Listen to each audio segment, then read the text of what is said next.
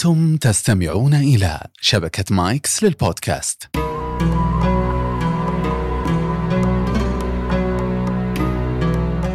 الحمد لله وحياكم الله. عنوان لقاء اليوم الفصاحة. من حيث الصناعة اللغوية كلمة فصاحة تعني الخلوص من كل شوب. وغالبا العرب ما تطلقها على ما يتعلق باللبن ثم اتسع الحديث عنها. ونحن التزمنا بالحديث تفسيرا من كتاب الله جل وعلا. قال الله عز وجل في سورة القصص وأخي هارون هو أفصح مني لسانا فأرسله معي يرد أن يصدقني إني أخاف أن يكذبون.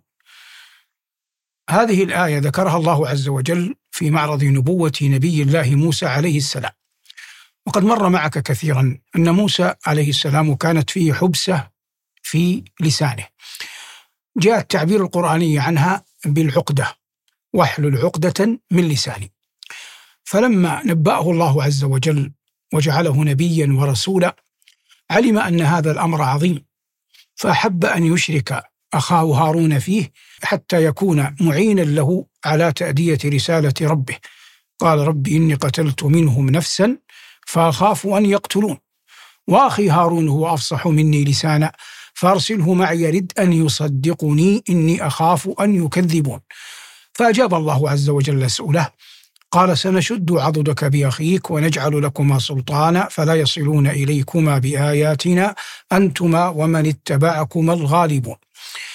عندما يقول الرب جل وعلا سنشد عضدك بأخيك ويكون السؤال من موسى المطلب من موسى قال وأخي هارون هو أفصح مني لسانا فأرسله معي رد أن يصدقني. ما معنى يصدقني؟ ليس المقصود أن موسى يتحدث ويلقن قومه وفرعون من قبل رسالة الله عز وجل وهارون بجواره يقول له صدقت صدقت صدقت. ليس هذا المقصود. لكن هارون كان يملك لسانا مبينا وفصاحة فما يعجز موسى أن يبينه يبينه هارون للعقدة التي في لسان موسى. وقد احتج فرعون على الناس أو للناس على موسى بقوله أم أنا خير من هذا الذي هو مهين ولا يكاد يبين أي لا يفصح. فجعل عدم قدرة موسى على الإفصاح التام قدحا فيه هذا في ظن فرعون. لكن تلك الثلمة سدها الله عز وجل بأن بعث معه أخاه هارون وجيها كما جاء في كتاب الله تبارك اسمه وجل ثناؤه المقصود من هذا كله كلمة فصاحة. الزمخشري الإمام اللغوي المفسر المشهور لما وصل إلى هذه الآية قال قولا جميلا في قوله رد أن يصدقني وهو ما حررناه قبل قليل أن هارون ليست الغاية من نبوته ورسالته أن يمشي بجوار أخيه ويقول صدقت صدقت وإنما يبين ما التبس على الناس من كلام أخيه قال الزمخشري معلقا فإن قول صدقت صدقت يستوي فيه سحبان وباقل. فمن سحبان ومن باقل لعلاقتهما بالموضوع. سحبان وائل هو أخطب العرب. هذا لقبه الذي اتفق جميع الرواة عليه. وهذا الرجل من المعمرين. وقد عده ابن حجر من الذين أسلموا في زمن النبوة ولم يجتمعوا برسول الله صلى الله عليه وسلم. وقدم على معاوية ليخطب فطلب عصا. فقيل له وما تصنع بالعصا بين يدي أمير المؤمنين؟ قال وما كان موسى يصنع بها بين يدي ربه. فخطب خطبة طويلة فلم ينشد في ذلك اليوم شاعر ولم يخطب خطيب. يعني لم يبق لأحد مجال أو سوق كما تقول العامة بين يدي سحبان وائل وينسب إليه أنه أول من قال كلمة أما بعد. والله عز وجل قال في كتابه العظيم ولقد أما ذكر داود قال وآتيناه الحكمة وفصل الخطاب وشددنا ملكه وآتيناه الحكمة وفصل الخطاب. فقول من قال من المفسرين إن فصل الخطاب الذي أوتيه داود هو قول أما بعد ليس بصواب لأن داود عليه السلام لم يكن يتكلم العربية وإنما كان يتكلم العبرية. لكن الحق أن أول من قال في خطبته أما بعد هو سحبان وائل. ولهذا قال في بيت شهير له لقد علم الحي اليمانون أنني إذا قلت أما بعد أني خطيبها. وأما بعد تسمى كلمة فصل لأنها تفصل بين مقدمة الكلام وبين الغاية منه. ما بين مقدمة الكلام التي هي توطئة وتمهيد وما بين غايته وما بين موضوعه الأول أو الأصلي كما يقول الناس. فلهذا عرف سحبان وائل بأنه أول من قالها. دخل سحبان على طلحة الطلحات الذي هو طلحة بن عبيد الله الخزاعي غير طلحة بن عبيد الله الصحابي.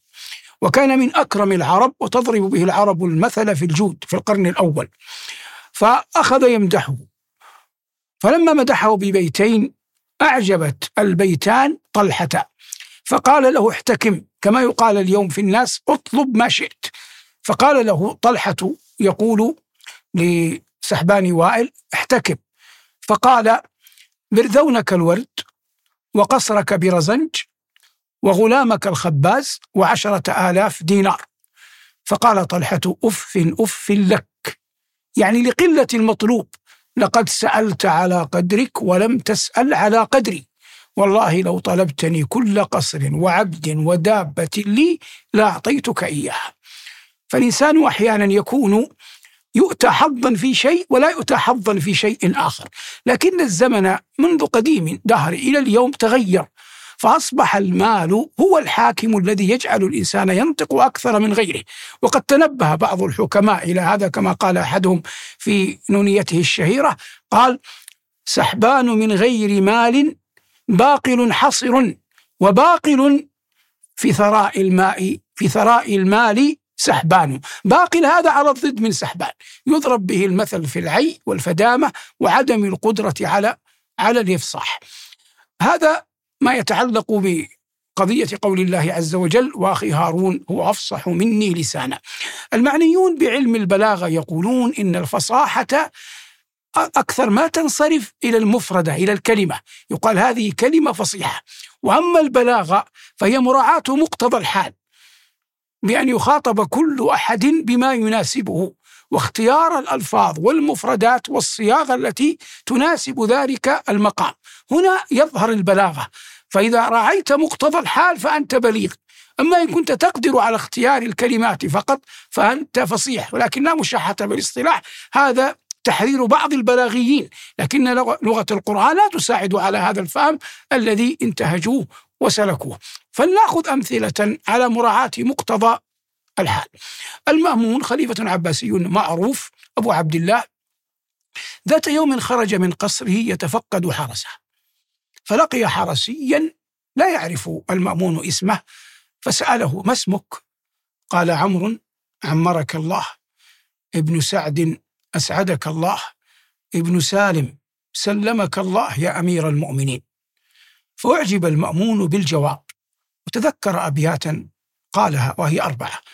إن أخاك الحق إن أخاك الحق من كان معك ومن يضر نفسه لينفعك ومن إذا ريب الزمان صدعك شتت فيك شمله ليجمعك. ثم أعطاه أربعة آلاف دينار. ويبقى الإنسان كما قال نبينا صلى الله عليه وسلم ولا يملأ فما ابن آدم فما ابن آدم إلا التراب. رغم الأربعة آلاف دينار يقولون إن هذا الحرسي قال يا ليت الأبيات كانت أطول من ذلك حتى ينال لأنه قاسها على أنها أربعة أبيات فنجم منها أربعة آلاف دينار. والمقصود أن هذا الحرسي عرف كيف يجيب أمير المؤمنين. هذا يختلف. لو قال أنا عمرو بن سعد بن سالم وسكت. لكن لما قال عمرو عمرك الله سعد أسعدك الله سالم سلمك الله كان لها وقعا عظيما على قلب المأمون وعقله فكان منه ما كان. لكنهم يقولون في كتب الأدب والتاريخ عن أحمد بن داود أنه قال ما رأينا رجلا لم يشغله الموت عما يجب أن يفعله كما رأيناه في تميم ابن جميل. تميم ابن جميل هذا كأنه خرج بعض الشيء على المعتصم الخليفة العباسي الذي جاء بعد المأمون. حتى سيطر على شيء من غرب شاطئ الفرات ثم قدم به يعني أدركه جيش المعتصم. المعتصم كان له يوم يسمى يوم الموكب يخرج فيه في حرسه وجنده وحشمه ويلقى فيه العامة. فالمجمع والمحفل يضم أمير المؤمنين والحرس ويضم عامة الناس وهذا يجعل الأمر أكثر هيبة. فقدم بتميم على أمير المؤمنين والحال ذلك. فأمر المعتصم بالنطع والسيف. ثم أخذ ينظر إلى تميم وكان تميم وسيما جسيما قسيما كما يقولون. فأراد المعتصم أن يعلم أين جنانه يعني قلبه من لسانه. في موقف كهذا. فقال له يا تميم تحدث ادل بحجتك إن كانت لك حجة. وهذا القول والطلب من المعتصم يدل على علو كعبه. فقد دل القرآن ودلت السنة على أن حق أي خصم أن يقول بحجته. فأنت ما عندما تريد أن تنشئ ولدك تنشئة حقة فإن غضبت عليه يوما اترك له وقتا اترك له مجالا يدري بحجته.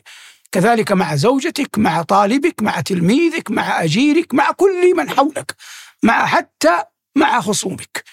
اترك لغيرك اترك لخصمك أن يدري بحجته حتى تكون على بينة من أمره.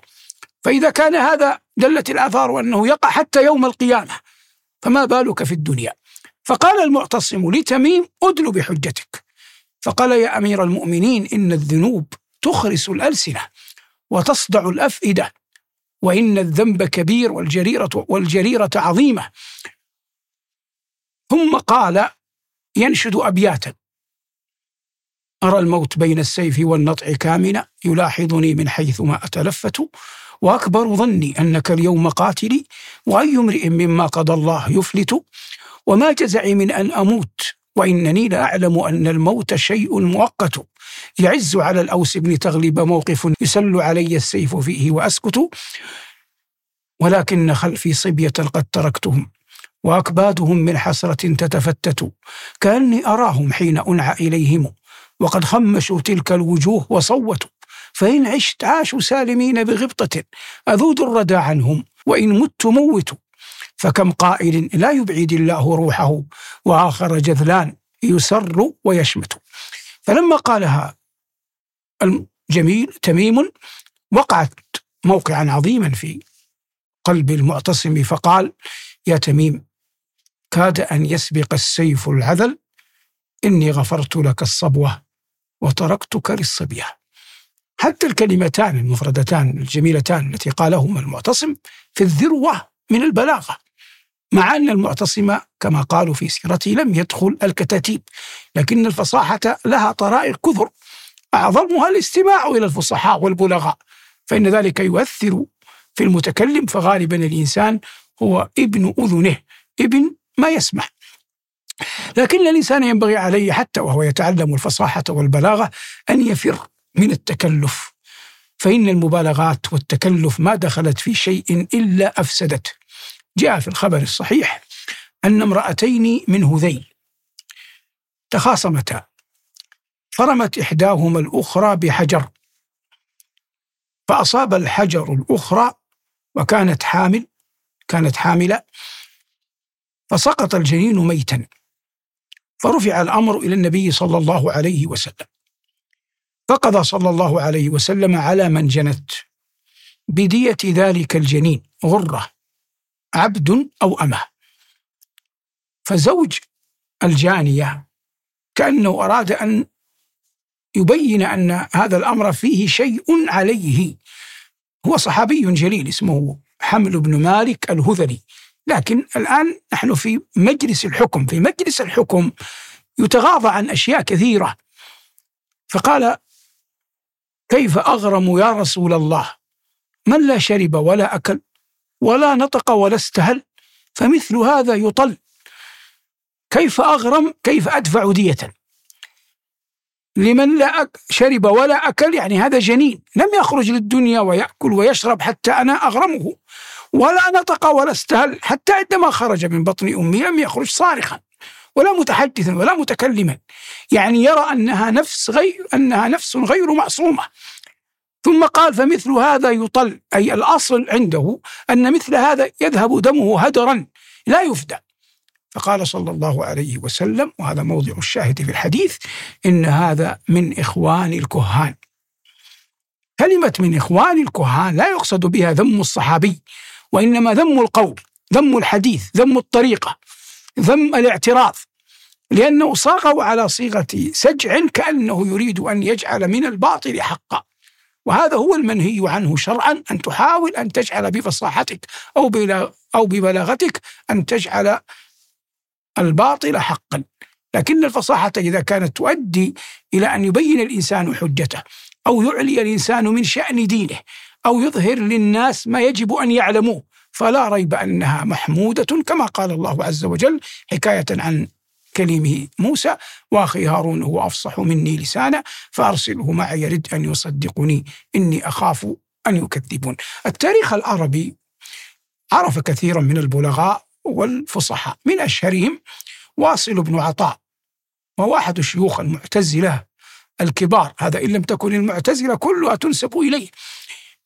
وهذا الرجل كان ألثغ لا يحسن أن يقول الراء خلقه ومع ذلك كان يخطب خطبا طويلة ويتجنب أي مفردة فيها الراء حتى لا يظهر ذلك عليه.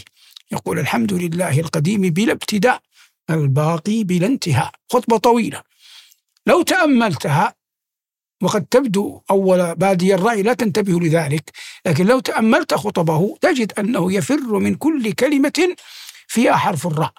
ومخزونه العلمي مخزونه اللغوي كثير. يجد مفردات غير الراء لكل كلمة يريد أن يقولها. حتى لما ذكر بشار بن برد كان واصل يبغض بشارا وبشار حرف الراء ظاهر في اسمه. ومع ذلك ذكر ما يؤلب الناس على بشار دون أن يأتي بأي كلمة فيها حرف حرف الراء. فإن قلت كيف أبني نفسي؟ من طريقين القراءة بصوت عال والسماع للفصحاء البلغاء. هذان طريقان للوصول إلى الغاية من الفصحى وقبل ذلك كله قطعا القرآن. فلا كتاب أفصح من القرآن. قل لئن اجتمعت الإنس والجن على أن يأتوا مثل هذا القرآن لا يأتون بمثله. ولو كان بعضهم لبعض ظهيرا. والنبي صلى الله عليه وسلم لما تعجب أبو بكر ذات يوم من فصاحته قال وما يمنعني؟ يعني شيء بدهي أن أكون فصيحا. فأنا من قريش ونشأت في بني سعد. فذكر صلى الله عليه وسلم الأصل الذي هو منه وهذا يجتمع فيه مع أبي بكر. ونشأ في بادية بني سعد وبادية بني سعد كانت زاخرة بفصحاء العرب. والإنسان إذا تلقى الفصاحة وهو صبي كانت أرسخ في فؤاده وعلى لسانه. والمقصود من حق كل أحد أن يبني نفسه علميا إيمانيا في كل مجال يحبه. لكن لا ريب أن فصاحة اللسان لها شأنها ولها أثرها في الإدلاء بالحجة والقيام بالأمر. ولهذا كان النبي صلى الله عليه وسلم فصيحا بليغا. ومع أنه صلى الله عليه وسلم جنبه الله في مقتبل عمره عليه السلام أن يقرأ أو يكتب حتى لا تكون ذلك حجة عندما جاء بالقرآن. هذا ما تيسر حول مفهوم الفصاحة وحول قول الله عز وجل وأخي هارون هو أفصح مني لسانا. وفقنا الله وإياكم لما يحب ويرضى. والحمد لله رب العالمين.